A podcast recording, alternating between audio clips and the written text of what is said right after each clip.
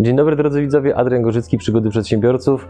Witamy Was w kolejnym odcinku naszego programu, gdzie tym razem naszym gościem jest Trader21. Dzień dobry. Dzień dobry. Jak widzicie, jesteśmy w dość nietypowych okolicznościach, ponieważ znajdujemy się w pewnym hotelu w Żninie, gdzie akurat robimy właśnie event networkingowy, gdzie będą między innymi skutery wodne. Dlatego też między innymi ja, mój strój jest odrobinę luźniejszy, ale nie gniewasz się w związku z tym. Nie no, w życiu. Bardzo się cieszę. E, drodzy widzowie, nim zaczniemy, krótka lista obecności. Dajcie znać w komentarzach, jaką branżę reprezentujecie, w jakiej firmie pracujecie, bądź jaką firmę prowadzicie. A jeżeli nie jesteście przedsiębiorcami, to dajcie znać, jaki wykonujecie zawód. Jeżeli chcesz być na bieżąco z naszymi materiałami, zasubskrybuj kanał i kliknij dzwoneczek. Partnerami kanału są Just Join IT oraz RocketJobs.pl, portale pracy przyszłości. SoFinanse, eksperci w dziedzinie finansów. IBCCS Tax, spółki zagraniczne, ochrona majątku, podatki międzynarodowe. Linki do partnerów znajdziecie w opisie filmu. Czarku, pierwsze pytanie. Spróbuję zadać takie, którego jeszcze nie było, bo tych wywiadów już troszeczkę udzieliłeś. Za jaki biznes wziąłbyś się dziś od zera? Czym byś się kierował w wyborze swojej takiej ścieżki biznesowej? Pierwsza rzecz to musiałby być biznes łatwo skalowalny. Mm, Przez skalowalność rozumiem zwiększanie przychodów nie wiążące się ze zwiększeniem nakładu pracy. Czyli przykładowo stomatolog pracujący z pacjentami ma ograniczone, ograniczone możliwości przychodowe, pracując jak, jakby jeden na jeden. Pacjent, e, lekarz. Natomiast właściciel kliniki stomatologicznej może zatrudnić nieograniczoną ilość stomatologów, którzy, którzy do niego pracują. Zmierzam do tego, że jeżeli szukałbym nowego biznesu, to takiego, w którym nie mam limitu przychodów. Mhm. To jest pierwsza rzecz. Druga rzecz, szukałbym e, niszy, w której nie ma dużej konkurencji, bądź e, starałbym się wręcz stworzyć rynek. Stworzyć dobrą usługę, dobry produkt, który po prostu jeszcze nie ma, Mhm. i przede wszystkim jakość, jakość, jeszcze raz jakość. Ludzi po prostu nie stać na nijakość. Mhm.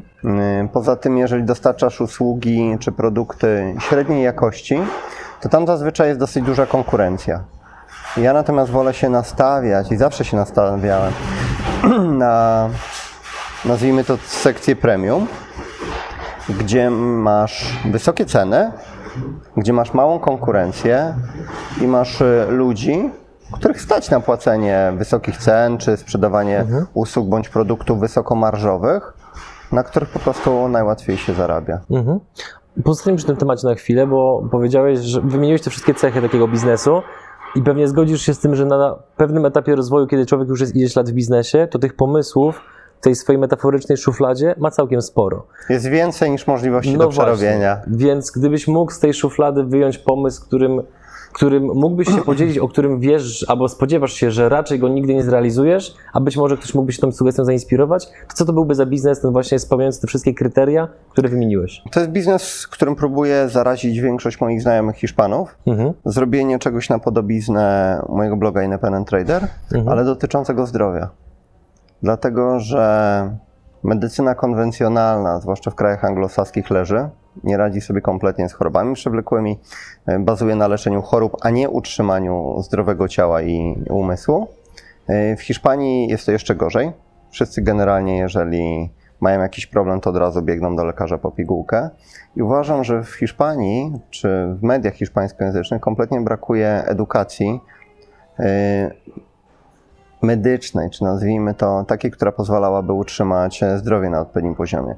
W polskim języku jest wiele książek, e, jest wiele różnego rodzaju dobrych blogów, różnego rodzaju stron, Mhm. natomiast w Hiszpanii tego nie ma. W momencie, gdybyś e, zaprezentował ludziom wiedzę na odpowiednim poziomie, którą można też po przeczytaniu nie wiem, 50 książek zgromadzić i dzieliłbyś się tą wiedzą, no to z czasem udałoby się zbudować odpowiednią społeczność, wkoło której można byłoby też zacząć kreować e, biznesy.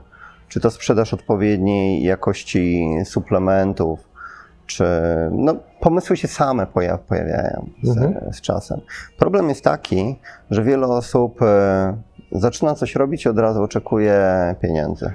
To tak nie działa. Jeżeli zaczynasz pracę, w, nazwijmy to w mediach, no to najpierw trzeba zbudować zasięg, później trzeba zbudować zaufanie, trzeba bardzo Mhm. dużo od siebie dać, a pieniądze dopiero później przychodzą. Natomiast Mhm. To jest system, który jest nie do zaakceptowania dla, dla wielu osób.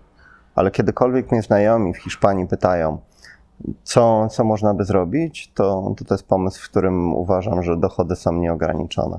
Tym I bardziej, jednocześnie bardzo mała konkurencja w zasadzie jej brak. No tym bardziej, że to jest potrzeba, która, umówmy się, z roku na rok będzie tylko przybierała coraz bardziej na sile. Dokładnie tak. Poza tym kwestia lockdownów, COVID-u, Mhm. nazwijmy to takiego trochę zamordyzmu medycznego, otworzyła ludziom oczy, Mhm. więc y, ta grupa osób, które szukają pewnych alternatyw dla tradycyjnego systemu jest coraz większa i to dotyczy każdego kraju, nie tylko Polski No i teraz jeszcze wracając na chwilkę do biznesu, który się zaczyna. Ty jesteś udziałowcem, rozmawialiśmy przed nagraniem, w 11 spółkach. E, tak. Okej, no więc umówmy się, musisz coś wiedzieć, musisz coś rozumieć, skoro potrafisz zbudować taką strukturę i nią w pewien sposób zarządzać. Oczywiście nie wszystko bezpośrednio, masz od tego zespół, odpowiednich ludzi i tak dalej.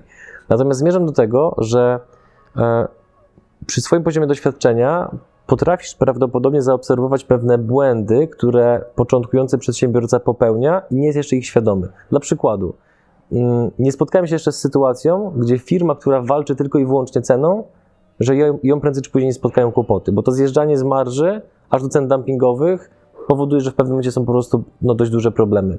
Więc jakie ty widzisz elementy u początkujących przedsiębiorców, które już potencjalnie są takimi czerwonymi flagami, że za jakiś czas może się wydarzyć coś niedobrego?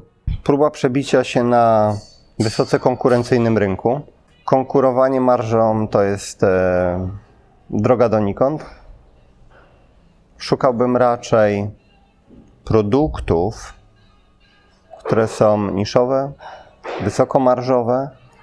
Jeżeli mamy na przykład e, na poziom, dużą konkurencję na poziomie mm, sprzedaży, czyli powiedzmy czy to hurtowej, czy to detalicznej, odszedłbym od tego całkowicie i próbowałbym wejść z nowym produktem.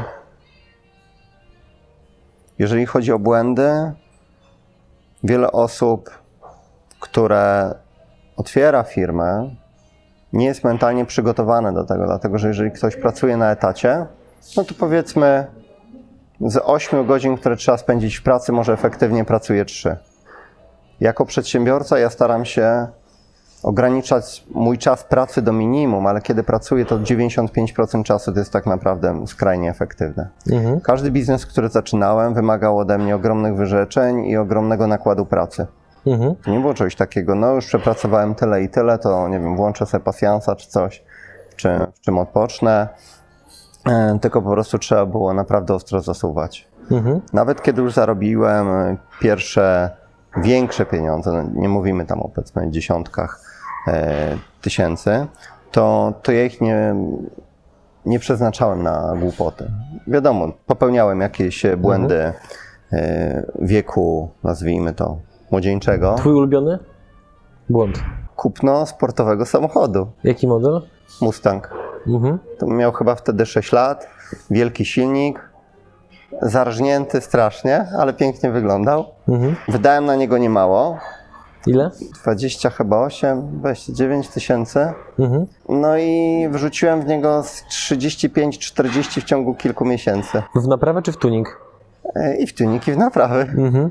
No tak to jest, jak się ma powiedzmy 22-23 lata wtedy. E, A po czym go sprzedałem za mniej niż go kupiłem. Nie licząc pieniędzy, które, które w niego włożyłem, dlatego że tak często się psuł. Mhm. A to po prostu mi silnik się wyłączył, a tym się drugi raz wyłączył i co dziwne, w małym mieście holował mnie dwa razy ten sam taksówkarz. Nie miałem do tego samochodu w ogóle zaufania, ale był fajny, był niesamowicie szybki. Więc myślę, że to był zdecydowanie mój, mój taki największy błąd. Z... Czego cię nauczyła ta transakcja? Na pewno jakieś wnioski wyciągnąłeś z tego. Tak, kupiłem od razu nowy samochód. Mhm. Też Mustanga? E, nie, nie. Maserati. Kup- nie, kupiłem Toyota Corolla. Na Maserati w tamtym czasie absolutnie nie było mnie stać. E, natomiast chciałem samochód, którym e, będę wiedział, że mogę dojechać z punktu A do punktu B, Mhm. e, który będzie tani w utrzymaniu, który nie będzie się rzucał w oczy, bo tego typu zabawki budzą zawiść. Mm, I tyle. Mhm. Będę miał święty spokój. Powiedziałeś w pewnym momencie, powiedzmy dyplomatycznie, że niektórzy pracownicy z 8 godzin, które mają pracować, efektywnie przepracowują 3. Oczywiście nie wszyscy i tak dalej, nie wrzucamy wszystkich do jednego wora. Ale mając tą świadomość jako przedsiębiorca, co ty w takim razie robisz pod kątem takich spraw HR-owych, żeby twój zespół jednak pracował odrobinę więcej niż te 3 godziny? Pierwsza rzecz. Na poziomie rekrutacji odrzucam ludzi, dla których e, główną motywacją, dla których główną motywacją jest jakakolwiek motywacja poza rozwijaniem się w sektorze finansowym. Mhm. Czyli szukam po prostu pasjonatów. E, Ludzi, którzy już na etapie studiów, czy nawet wcześniej coś, e, coś robili. Ostatnio na kursie się okazało, że mam chłopaka, który ma 15 lat. Ja miałem bzdury totalne w głowach, więc stwierdziłem, dawajcie mu wszystko, co tylko będzie potrzebował. Czy kopiowanie ruchów, nie, nie, niech się rozwija, bo, bo bardzo lubię i szanuję takich ludzi. I takich ludzi chcę mieć. Druga rzecz, bardzo mało płacę ludziom na, na początku. Dlatego, że nie chcę ludzi, dla których pieniądze są główną motywacją.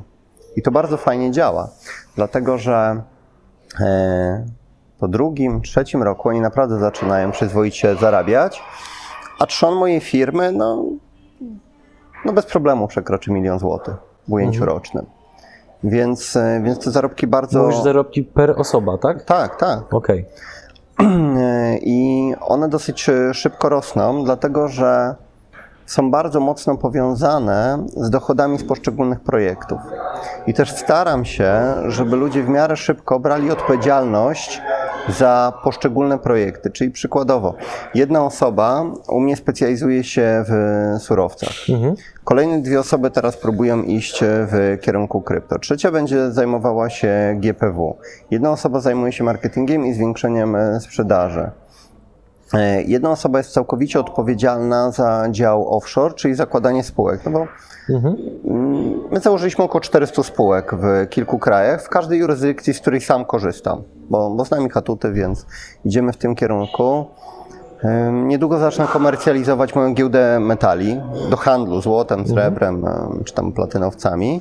Yy, I też już mam jednego pracownika stricte do tego oddelegowanego, więc ich dochody są stricte powiązane z tym, ile my zarabiamy po prostu jako, jako holding i to jest dla nich bardzo dobra motywacja. A propos rozdzielania projektów, bo to w, na pierwszy taki rzut ucha brzmi bardzo dobrze, natomiast czy nie ma czegoś takiego, że na przykład jedne projekty no siłą rzeczy są bardziej dochodowe od innych, jest być może większa skala, większa dynamika wzrostu i tak dalej, a jeżeli tak, to w jaki sposób te projekty rozdzielasz, żeby nie było takiego napięcia między pracownikami, że hej, a Franek to ma bardziej dochodową branżę i dzięki temu ja nie zarobię miliona, miliona tylko zaledwie 500 tysięcy. Pierwsza rzecz, jeżeli mam duży projekt, Mhm. e, takim jak na przykład e, było zrobienie ostatniego kursu, które no, z 200 godzin nagrań, jak podsumuję, wszystko pochłonął, to cała firma była w to zaangażowana.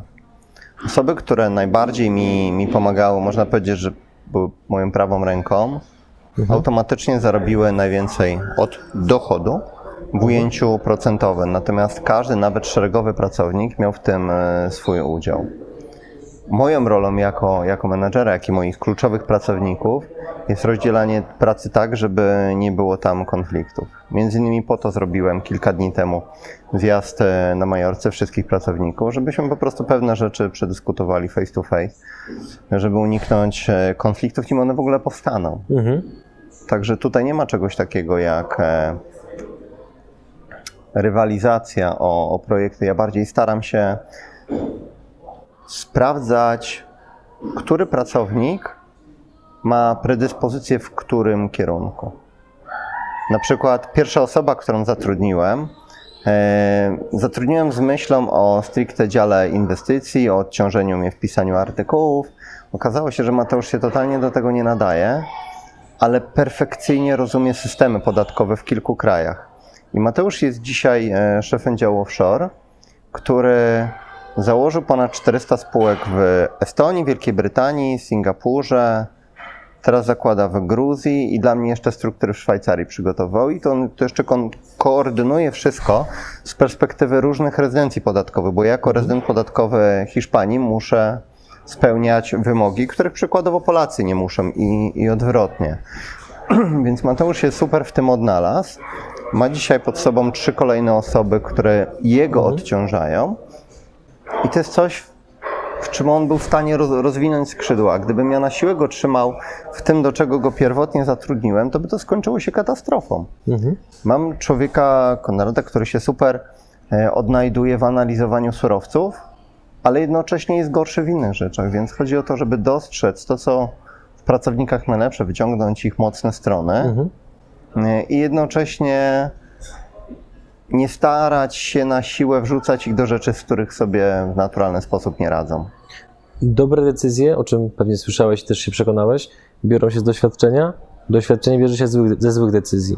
Więc jakie były złe- złe decyzje HR-owe, twoje, gdzie się ewidentnie pomyliłeś, jeżeli chodzi o dobór pracownika, być może kogoś zbyt długo trzymałeś na miejscu pracy, zamiast go szybko zwolnić. Jak to wyglądało? Mm, Zatrudniłem kiedyś człowieka, który sobie kiepsko poradził na testach, bo sprawdzam, e, nazwijmy to, Mhm. inteligencję w, na bazie testów, które sam przygotowałem. Częściowo wziąłem je z GMAT-u, które ja miałem tam na, na MBA-u, e, częściowo w inny sposób. Dosyć sobie kiepsko poradził. Mhm. Ten inny sposób, Ale- tak, tak się uśmiechnąłeś charakterystycznie. Dlaczego? No przecież nie będę zdradzał, bo chciałem przygotować... Moją rolą jest sprawdzenie granic twojej otwartości, więc muszę dopytywać, wybacz. Dobrze. E, Kiedyś, kiedy prowadziłem agencję reklamową razem z dwoma pracownikami, Mhm. stwierdziliśmy, że musimy bardziej się przyłożyć do, do rekrutacji. Bo mieliśmy jakieś fakapy, ludzie albo Tak. odchodzili, albo my ich zwalnialiśmy. Więc zaczęliśmy pracować bardzo nad e, pewnym rodzajem testów. Dwóch już było po MBA-u, ja byłem w tamtym trakcie na, na studiach, więc powiedzmy, no, mieliśmy w miarę poukładane w głowie. Więc stworzyliśmy duży test, który najpierw kazaliśmy zrobić e, naszym wszystkim pracownikom w biurze w Warszawie. To było około 25 osób. I okazało się, że wyniki z testów dokładnie odzwierciedlały to, jak sobie ludzie dają radę w pracy. Więc wiedzieliśmy, że jeżeli ktoś sobie kiepsko e, poradził z testem, no to będziemy mieli z niego no, raczej tam mierną pomoc. Taki system wczesnego ostrzegania. Tak, dokładnie. E, I coś podobnego wprowadziłem tutaj. Mhm. E, Oczywiście zgubiłem tam te testy, no przecież od 2009 roku, no w połowie ósmego się wyłączyłem z agencji, do, do czasu, kiedy zatrudniałem parę ludzi, minęło parę lat i nie miałem już po prostu tamtych testów, więc stworzyłem coś na podobiznę. Drugie e, kryterium, ja przede wszystkim muszę od razu człowieka polubić. Jeżeli ktoś na przykład e, obijał się przez całe studia, nie ma szans, żebym go zatrudnił. W ogóle nie porozmawiam na, nawet z taką osobą, więc edukacja dla mnie nie ma najmniejszego znaczenia. Ja nawet nie wiem, czy moi pracownicy mają pokończone studia, czy nie. No tak powiedziałem, ważne jest, co jest w ludziach, co sobą reprezentują e, i tak dalej. Natomiast e, pytałeś o największy fakt. Tak, o, o złe decyzje. Tak. Zatrudniłem człowieka, który dosyć kiepsko poradził sobie z testem. Miałem wątpliwości podczas e, zatrudniania go i nie zatrudniłem go w pierwszym etapie, ale później dzwonił, dopytywał się, czy może coś zrobić i, i uległem. Em, I z perspektywy czasu był to błąd. Mhm. A uległeś, że- bo on bo był tak przekonujący? Czy... Nie, bo zobaczyłem, że mu bardzo, bardzo zależy Okej. i zobaczyłem, że mimo pewnych, nazwijmy Mhm. to, niedociągnięć na proc- e, podczas procesu rekrutacji, może, może być Mhm. fajnym gościem. I okazało się, że, że to był błąd. Okazało się po chyba trzech miesiącach, że finanse to nie jest to, co by go specjalnie interesowało. Mhm. On może informatyka. Zobaczyłem, że on jest skrajnie niestabilny emocjonalnie. E, I W finansach to chyba nie jest e, dobra cecha. nie. Mhm. I na szczęście bardzo szybko przestaliśmy ze sobą pracować. A czy jest jakiś taki element w ludzkim zachowaniu podczas rekrutacji, bądź generalnie w ocenie potencjalnego pracownika, który jest z Twojej perspektywy trochę niestandardowy, być może trochę Twój autorski, co inni ludzie rzadko robią, a Ty robisz to na tyle często, że masz takie przekonanie, że to jest naprawdę istotny element, na który warto zwrócić uwagę.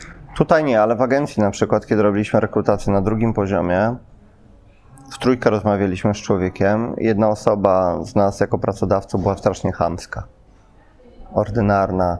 Chodziło o sprawdzenie, czy dana osoba poradzi sobie później w pracy z klientami. Jeżeli ktoś był w stanie mm, panować nad nerwami, było widać po nim spokój, bądź nawet po, był w stanie rozładować sytuację na przykład dobrym żartem albo odpowiednią ripostą, był genialny.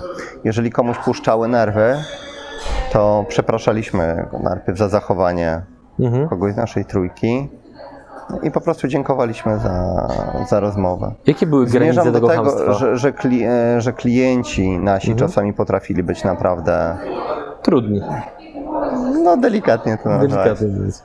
Wiesz co, nie jestem w stanie ci teraz powiedzieć, jakie, inaczej, na pewno nie było to nic mocnego. Czyli to, czyli to nie był na przykład wulgarny język? Nie, nie, nie, absolutnie Okej. nie. Czy, Tylko raczej trzeba, taki- ludzi Mhm. szanować. Jasne. Nie wolno takich rzeczy dopuścić. W pewnym momencie powiedziałeś... e, Staram się po prostu być Mhm. jak e, jeden z bardziej upierdliwych naszych klientów. Okej. Czyli tak mówiąc, e, może mało elegancko, trujesz dupę. W niefajny sposób. Mhm. Natomiast to jest coś, co robiliśmy w agencji. Natomiast Okej. Tutaj w firmie chyba nie mam tak naprawdę dobry- nic, dobry nic glina, zły glina niestandardowego. trochę. Słucham? Taki trochę dobry glina, zły glina. Być może. Dzięki, że jesteś z nami i oglądasz nasze filmy. Chcielibyśmy przekazać Ci krótką informację. Przygody przedsiębiorców to nie tylko wywiady. Na co dzień zajmujemy się przede wszystkim wideomarketingiem na YouTube. Jeśli chcesz, aby Twoja firma zaczęła generować lidy z platformy, która zrzesza ponad 20 milionów użytkowników w samej Polsce, to wejdź na przygody.tv i sprawdź, jak możesz z naszą pomocą skorzystać z potencjału YouTube'a, zanim zrobi to Twoja konkurencja. Powiedziałeś w pewnym momencie o studiach. I jakiś czas temu oglądałem takie nagranie, gdzie e, gość około 60, dość zamożny, powiedział, że z jego perspektywy wszyscy ludzie, którzy mają 20 parę, 30 parę lat, są dużo, dużo bogatsi od niego, ponieważ mają coś, czego on nie może kupić, czyli czas. I teraz hipotetycznie e, istnieje maszyna, bądź czarodziejska różdżka, która przenosi cię w, wie, w ciało 25-latka, chociaż twój wiek biologiczny, biorąc pod uwagę, jak, jak o siebie dbasz, to pewnie masz 15, ale to, to zostawmy odłóżmy bok, może o tym zaraz pogadamy. Załóżmy, że masz z powrotem 25 lat, ale obecne doświadczenie i wiedzę. Co robisz? 25 lat z moją wiedzą. Tak. No to już dla świętego spo- spokoju kończę te studia. Dlaczego? Dla świętego spokoju. Mhm. Świętego spokoju swojego, rodziców, kogo? Tylko, swoje, tylko swojego. Na pewno nie pójdę na MBA, Dlaczego? bo była to strata czasu i pieniędzy. Tak naprawdę poszedłem tam ze względu na kontakty, które uważałem, że mogą mi przełożyć się pozytywnie na, na rozwój firmy. Przełożyły się? Nie. Dlatego, że z 33 osób 31 było to korpo. Jak jesteś w korpo, idź na MBA, bo 71% osób według statystyk w ciągu roku od skończenia studiów e, zmienia pracę. Więc jeżeli jesteś pracodawcą, broń Boże nie wysyłaj pracownika na MBA, bo zmieni pracę albo zażąda drastycznej podwyżki. Mhm. Jeżeli masz dwóch przedsiębiorców na 31, no to ile z tego możesz wyciągnąć? Mhm. Owszem, wyciągnąłem pe pewne pozytywy, kiedy planowałem wprowadzić e, firmy na giełdę. Już Jak stwierdziłem, że już wychodzę drastycznie z firmy, to kontakty, które tam e, mm, zyskałem wśród profesorów, były naprawdę nie, nie do przecenienia. Natomiast jeżeli chodzi o wiedzę, kiepsiutko. Mhm. Teoria być może to było tak w moim przypadku, bo ja byłem bardzo praktykiem, natomiast nie lubię się zagłębiać, ani nie lubię uczyć się rzeczy, których nie, w których nie widzę praktycznego zastosowania. Mhm. Ale dzisiaj myślę, że czas, który spędziłem na to, żeby pozdawać te egzaminy, to jednak nie były łatwe studia, mógłbym wykorzystać dużo, dużo bardziej produktywniej. Mhm. Także na pewno bym nie poszedł na. bo Szkoda, było mi te, tego czasu, no bo jeżeli masz ciężkie zajęcia, już nie pamiętam dzisiaj, czy co tydzień, czy, czy co drugi tydzień, a oprócz tego harujesz rozwijając firmę, no to, to nie masz czasu na, na inne rzeczy. Dzisiaj z perspektywy 25-latka szukałbym na pewno. Od razu poszedłbym w kierunku firmy. Tak jak powiedziałem na, po- na początku wywiadu, yy, jakaś nisza, fajny produkt. Najpierw zacząłbym zdecydowanie sam, Mhm.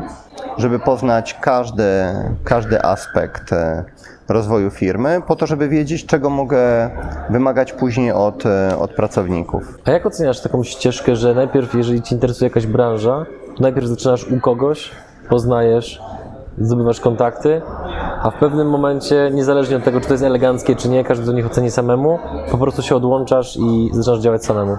Jeżeli to jest skrajnie uproszczona branża, mechanik samochodowy idzie się nauczyć do warsztatu, po czym odłącza się po jakimś czasie, czy wykonawca, nie wiem, wnętrza w domu, to to jest ok, ale jeżeli chcesz naprawdę działać w fajnej branży, gdzie sky's the limit, to ciężko znaleźć miejsce, którym znajdziesz mentora, w którym będziesz mógł się uczyć różnych aspektów e, tego sektora, w którym chcesz się rozwijać, wydaje mi się, że to jest zbyt ciężkie. Może się okazać, że pójdziesz gdzieś i zobaczysz, że trochę się uczysz. Po roku awansujesz i będziesz się uczył innych rzeczy. A po dwóch czy trzech dadzą ci na tyle duże pieniądze, jeżeli jesteś e, zaradny, że będziesz miał zbyt dużą obawę przed e, rezygnacją z pracy. Także może 10% osób ma predyspozycję do bycia przedsiębiorcami. Myślę, że 5% potrafi być skutecznym przedsiębiorcą. Pozostałe osoby dobrze się czują, mając jednak stałe pieniądze, mniejsze bądź większe, co miesiąc na koncie. Pozostajmy jeszcze chwilę przy tym, że masz 25 lat. Przed. Pytanie, czy mam oszczędności, czy nie, dlatego że ja Okej. założyłem firmę po tym, jak byłem w stanie zbudować oszczędności pozwalające mi na życie 3 lata. Jakie to były oszczędności? Pytasz o skalę wielkości? Tak, tak. E, Trochę ponad 100 tysięcy. Okej. Ja bardzo szybko awansowałem. Stałem się do agencji reklamowej. E, Byłem handlowcem, później bardzo szybko stałem się dyrektorem handlowym E, i przynosiłem większość klientów do firmy. I moje wynagrodzenie było bardzo mocno powiązane z dochodami firmy. Więc byłem w stanie bardzo przyzwoicie zarabiać. Poza tym mój główny klient też bardzo dobrze zarabiał na współpracy ze mną. Więc i ja i on byliśmy w stanie zbudować odpowiednie oszczędności, które w pewnym momencie sprawiły, że zmieniło się nasze podejście. Czemu mamy zarabiać 15 tysięcy miesięcznie, jak możemy 100? Co powodowało, że dostawałeś, jak to powiedziałeś, szybko awanse? Bardzo ciężka praca. Co to znaczy? I myślę, że mądra. Dam, dam Ci przykład. Rozwijaliśmy chyba w czwartym roku firmy dwa, dwa kolejne działy, pro, produkcyjny i, i BTL-u.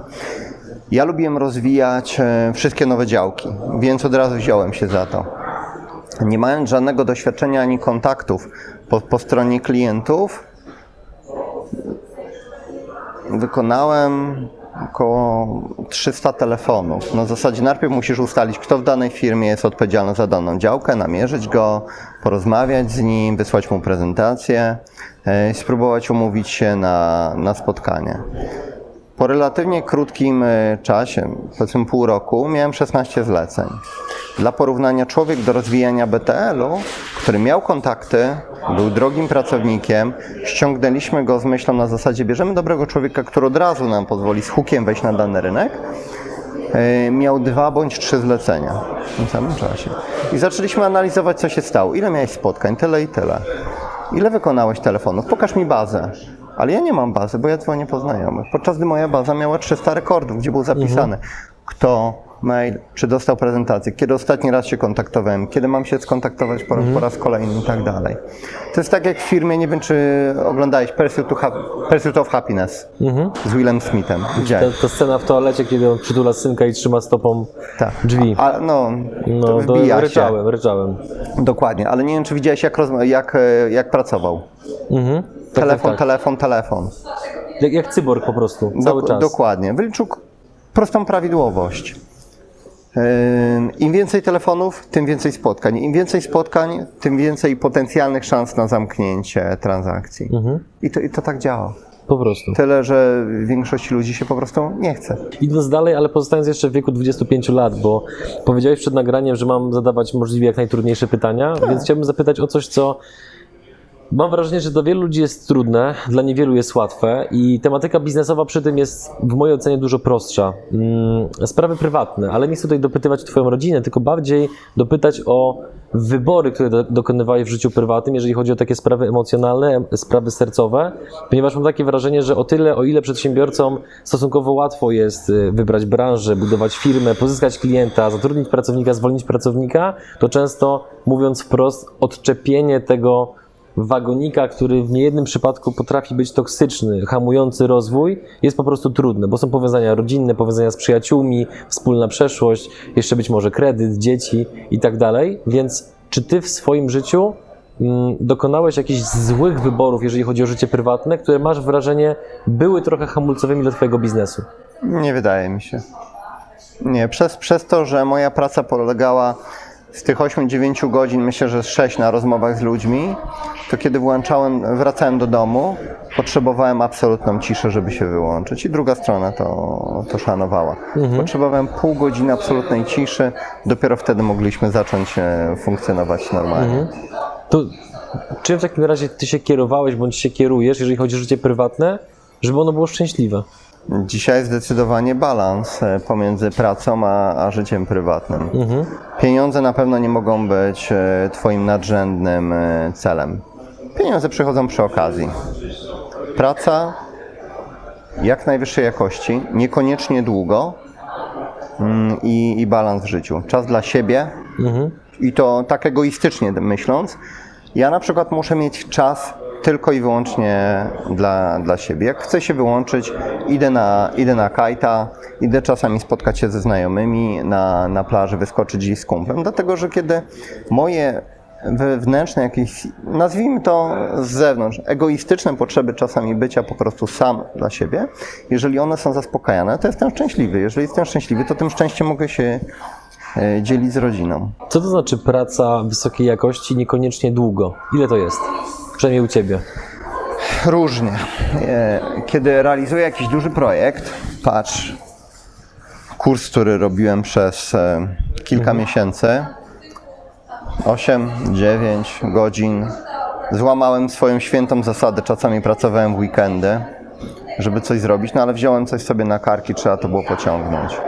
W normalnych warunkach Moi pracownicy pracują 7 godzin, nie 8 jak reszta. Teraz zamierzam to skrócić. Albo ograniczymy pracę w piątki, albo może zrobimy 6,5 godziny. Mam nadzieję, że, że się to uda.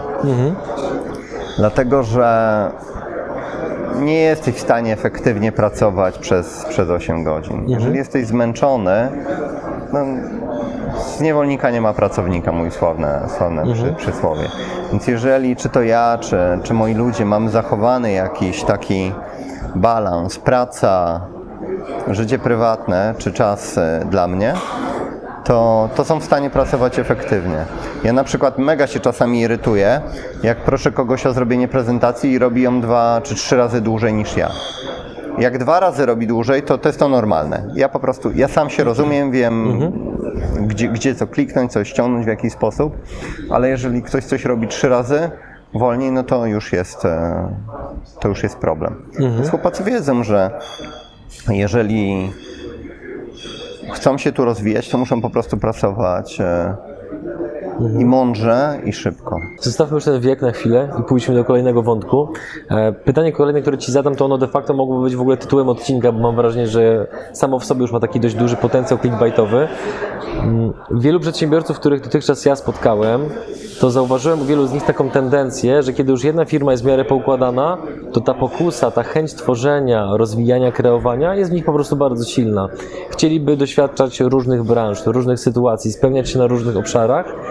Niewielu z nich to się udaje, bo umówmy się, prowadzenie jednej firmy z sukcesami jest wyzwaniem, a bycie udziałowcem w 11 to jest prawdopodobnie dla, dla wielu innych ludzi w ogóle jakaś inna galaktyka na zasadzie ten trader to chyba jest jakimś reptalianinem, czy jak to się mówi, już dokładnie nawet nie pamiętam. No bo to jest oczywiście na, na swój sposób wyjątkowe. No i teraz na czym polega klucz, a jeżeli powiesz, że to jest zespół, to poprosimy, żebyśmy weszli w głębiej w szczegóły, jak to się udało zrobić. Pierwsza rzecz, 11 firm jest e, hmm, rozwiniętych w ramach jednego sektora. Czyli powiedzmy, mamy grupę czytelników, klientów, jakkolwiek byś to nazwał, independent trader, który w koło tego powiedzmy się kręci. Więc to są powiedzmy firmy poukładane pod poszczególne projekty. Jest książka, która no, ma status potrójnego bez, bestsellera, która nadal się świetnie sprzedaje. Jest kurs, jest kopiowanie moich ruchów.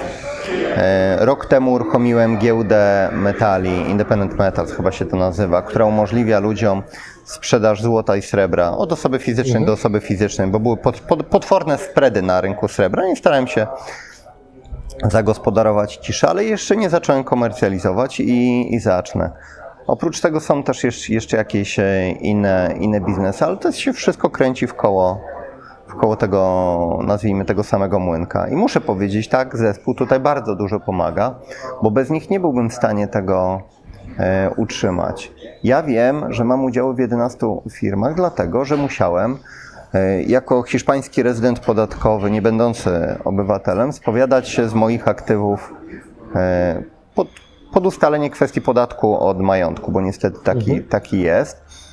I dlatego, że mi to Mateusz, szef działu offshore, po prostu przygotował, bo on pilnuje tych, tych rzeczy. Bo ja nienawidzę papierów, nienawidzę papierologii, żadnych umów, faktur i, i tak dalej. I tylko dlatego wiem, że, że to jest 11 firm w czterech jurysdykcjach. Mhm. Wiem, więc ludzie tutaj są, są cholernie ważni. Natomiast powiedziałeś, że ludzie mają tendencję do wchodzenia w inne, inne branże. Ja odwrotnie. Ja stworzyłem klinikę neurochirurgiczną, bo nie było innej możliwości zoperowania kogoś e, z rodziny. Y, Zajęło mi to ze dwa lata wszystko i było to wejście w potworną branżę, ale udało się to zrobić. Natomiast w momencie, kiedy klinika była mi niepotrzebna, po prostu pozbyłem się jej, oddałem ją, Mhm. czy tam po śmiesznie niskiej cenie po prostu sprzedałem to osobom, które to ciągnęły ró- równolegle do mnie, bo po prostu ja bardziej cenię już w pewnym momencie święty spokój. I to był najlepszy ruch, bo w momencie, kiedy odciąłem się od kliniki, uwolniłem sobie, nazwijmy to moce produkcyjne, które mogły, pomogły mi dużo lepiej czas e, wykorzystać w strefie finansowej. Skąd w tobie jest taka mądrość? Skąd bierzesz wiedzę na temat e, rozwoju osobistego? W jaki sposób wzbogacasz e, swój umysł? No bo słuchacze, widzowie mają e, okazję Cię poznać ok, z perspektywy kamery, natomiast no, też mieliśmy okazję rozmawiać poza kamerą i Ty poza kamerą mam wrażenie, że nie tylko jesteś taki sam, ale wręcz ta, e, ta wiedza, którą się dzielisz, ona jest jeszcze bardziej rozbudowana, no bo siłą rzeczy pewne rzeczy przed kamerą mówić nie można, bądź nie wypada. Więc jak u Ciebie ten proces wygląda, że Ty tą wiedzę tak w w siebie akumulujesz i masz, i faktycznie jak się z Tobą rozmawia, to czuć taki bardzo charakterystyczny spokój, że ten balans, o którym powiedziałeś, nie jest tylko i wyłącznie takim ładnym buzzwordem, że oddzielaj pracę zawodową od życia prywatnego, żeby było ok, tylko u Ciebie naprawdę się czuje. Więc jak to wygląda? Czytanie to jest jedna rzecz na pewno, bo ja Mhm. bardzo dużo czytam z każdej dziedziny. Natomiast otwartość myślę na, na ludzi. Słuchaj tego, co mają mądrzejsi do powiedzenia, mniej mów. Od, Skąd wiesz, że ktoś jest mądrzejszy? Odnośnie dzięki temu, że, że słucham. Staram się Mhm. wyłapywać różne rzeczy. No okej, mam bardzo dobrą pamięć, która też pozwala mi układać w głowie różne rzeczy. Powiedziałeś, że, że bije spokój. Spokój być może bije z tego, że ja na przykład medytuję, ale, medytuję, ale w specyficzny sposób, wykorzystując do tego, wykorzystując do tego techniki Wim Hofa. Mhm.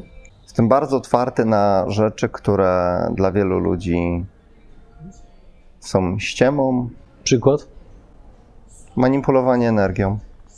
Mhm. No, rozmawialiśmy o bezdotykowym ustawianiu kręgosłupa, na przykład, Mhm. przywracając jego pierwotną pamięć komórkową. Coś, co mi pozwoliło wyeliminować szumy w uszach po wielu latach, czy inne tego typu techniki, które sprawiają, że nazwijmy to umysł lepiej współgra z ciałem. Mhm. Coś, co jest na tyle efektywne, że stosuję to u moich pracowników, wysyłając ich do sprawdzonych osób. Mhm. Są rzeczy, których no, oficjalnie nie możemy mówić, bo 90% osób stwierdzi, że, że trader odleciał, tak jak na przykład śmiano się, może śmiano się, idioci śmiali się z Nowaka Djokovicza, jak kiedyś opisał swoją przemianę, która pozwoliła mu osiągnąć absolutnie najwyższy poziom e, w zawodowym sporcie, tak trudnym jakim jest, jest tenis. I nie mówię tutaj o tej pierwszej fazie, gdzie po prostu zrezygnował z glutenu, który mu odcinał energię. To mówię o, o tej drugiej fazie. Wiele osób, jeżeli czegoś namacalnie nie dotknie, to, to stwierdzi nie działa. Mhm. Natomiast dla mnie nieważne, czy coś jest wytłumaczalne naukowo, czy nie, bo nie jest, bo nikt tego nie zbadał. Ważne, że, czy coś po prostu działa. Właśnie a propos tych osób, które mogą pomyśleć, że trader chyba odlatuje, no to zapytam w ten sposób. Jak to jest, że osoba, która ma, no jakby nie patrzeć, ścisły umysł, matematyczny umysł, jednocześnie bardzo mocno bierze pod uwagę, że jest coś, co nie jest wytłumaczane przez naukę. Ponieważ to często u osób, które mają taką, takie bardzo skrajne predyspozycje matematyczne, mam, mam wrażenie, y, wierzą tylko w to, co jest namacalne i widoczne. Więc jak ty to godzisz w swoim umyśle? Wiesz co, ja staram się po prostu wykorzystywać rzeczy, które mogą mi ułatwić pracę, które mogą sprawić, że moje ciało czy umysł funkcjonuje lepiej, efektywniej, na, na wyższym poziomie, nie wnikając w to, w jaki sposób coś działa. Dlatego, że to, że medycyna, nazwijmy to akademicka, czegoś nie udowodniła, to nie znaczy, że coś nie działa. Po prostu znaczy, że czegoś nie udowodniono. Jeżeli czegoś nie udowodniono, to być może nie udowodniono, dlatego że nikt czegoś nie przebadał wyjątkowo, a być może udowodniono, ale wiedza jest gdzieś zamknięta, bo, Mhm. jest to komuś nie na rękę, albo być może nie udowodniono, dlatego że są pewne grupy interesów, które sprawiają, żeby nazwijmy to 99% populacji z pewnych rzeczy nie korzystała. No. Mhm. No i tu, wybacz, muszę dopytać. E, Z racji tego, że masz bardzo duży poziom świadomości swojego zdrowia, dbasz o nie bardzo intensywnie, co w niejednokrotnym wywiadzie do- dość mocno wybrzmiało, no to wyobrażam sobie, że siłą rzeczy musisz dostrzegać pewne rozwiązania, które są, ale które właśnie z powodu różnych grup interesu i tak dalej nie są dopuszczane do masowego rynku. I czy mógłbyś chociaż jedno czy dwa takie wymienić? No to może rzucimy od razu coś, co jest skrajnie dziś, dzisiaj modne, a jednocześnie kon- kontrowersyjne. Ja na przykład się nie szczepię i nie wyobrażam sobie, że ktoś mógłby zaszczepić kogokolwiek z mojej rodziny. Dlaczego? No, przykładowo ma, mamy COVID i tak dalej. Bo, bo trzykrotnie miałem infekcje płucne, najprawdopodobniej się, się zaraziłem i w każdym przypadku trwało ono nies- niesamowicie krótko, bo wykorzystywałem tylko i wyłącznie naturalne e, substancje bądź naturalne techniki, które sprawiły, że po dwóch dniach byłem kompletnie zdrowy. Mhm. Co to były za techniki bądź substancje? Pierwsza rzecz, e, jeżeli mnie łapie jakieś przeziębienie, to chcę bardzo podnieść temperaturę ciała i jednocześnie niesamowicie dotlenić. Więc mogę się wykąpać w odpowiedniej ilości wody z dodatkiem wody utlenionej, która Mhm. sprawia, że poziom tlenu w moim krwiobiegu dra- drastycznie rośnie. Tylko trzeba to robić w odpowiedni sposób, bo jeżeli ktoś ma zasyfiony organizm, to wybije beztlenowe patogeny i zablokuje sobie nerki czy, Mhm. em, czy, czy wątrobę. E, Druga rzecz, techniki oddechowe Wim Hofa, które sprawiają, że mój układ immunologiczny jest na zdecydowanie wyższym poziomie. E, I tutaj konkretne badania są, e, w jaki sposób to działa, jak ktoś chce, niech, niech poszuka. Mhm. krwiobieg zupełnie inaczej funkcjonuje ze względu na to, że ja codziennie wchodzę do zamrażarki wypełnionej lodowatą wodą, czyli po prostu morsuję Codziennie. Prawie codziennie. Mhm. Jak jestem w Polsce, to nie mam specjalnie możliwości. Jasne. Biorę mnóstwo naturalnych e, substancji. Nie wiem, może to być e, kurkumina z, e, z miodem, może to być cynamon z miodem, który jest no, bombą prze, przeciwwirusową. I takich rzeczy jest, jest mnóstwo.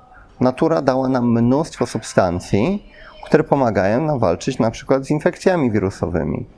Ja bardzo pilnuję na przykład tego, żeby w moim organizmie nie kumulowały się metale ciężkie czy inne toksyczne substancje, więc, więc detoksy robię.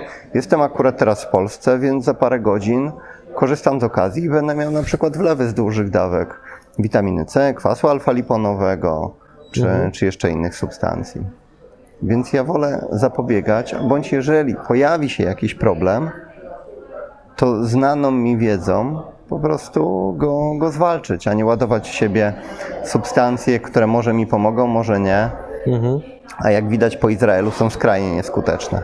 No właśnie, ale y, wracając do, do, do metali, ale ciężkich, czy te wlewy witaminowe, o których powiedziałeś, to one na przykład skutecznie właśnie e, bronią organizm przed tym, żeby metale ciężkie się nie akumulowały w nim? Czy Nie, nic cię nie chroni przed akumulowaniem metali ciężkich.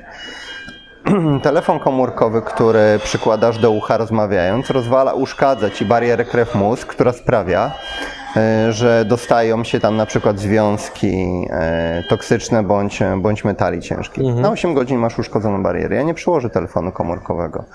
Ale Dlatego nagrywasz wiadomości głosowe głównie. tak, i Okej. używam komunikatorów, które chodzą powiedzmy po, po Wi-Fi. Mhm. E, Druga rzecz, jeżeli chcesz się pozbyć metali ciężkich z organizmu, to nie robisz sobie wlewu z witaminami, tylko stosujesz EDTA. Co to jest? Związek do, podawany dożylnie, który oczyszcza ci Mhm. e, organizm. Witaminy podajesz przykładowo innego dnia, kiedy już, już masz oczyszczone. Okej. Ozonowanie żywności, Mhm. ozonowanie wody. To są wszystko elementy, które sprawiają, że Mhm. mniej e, toksyn jesteś w stanie wchłonąć.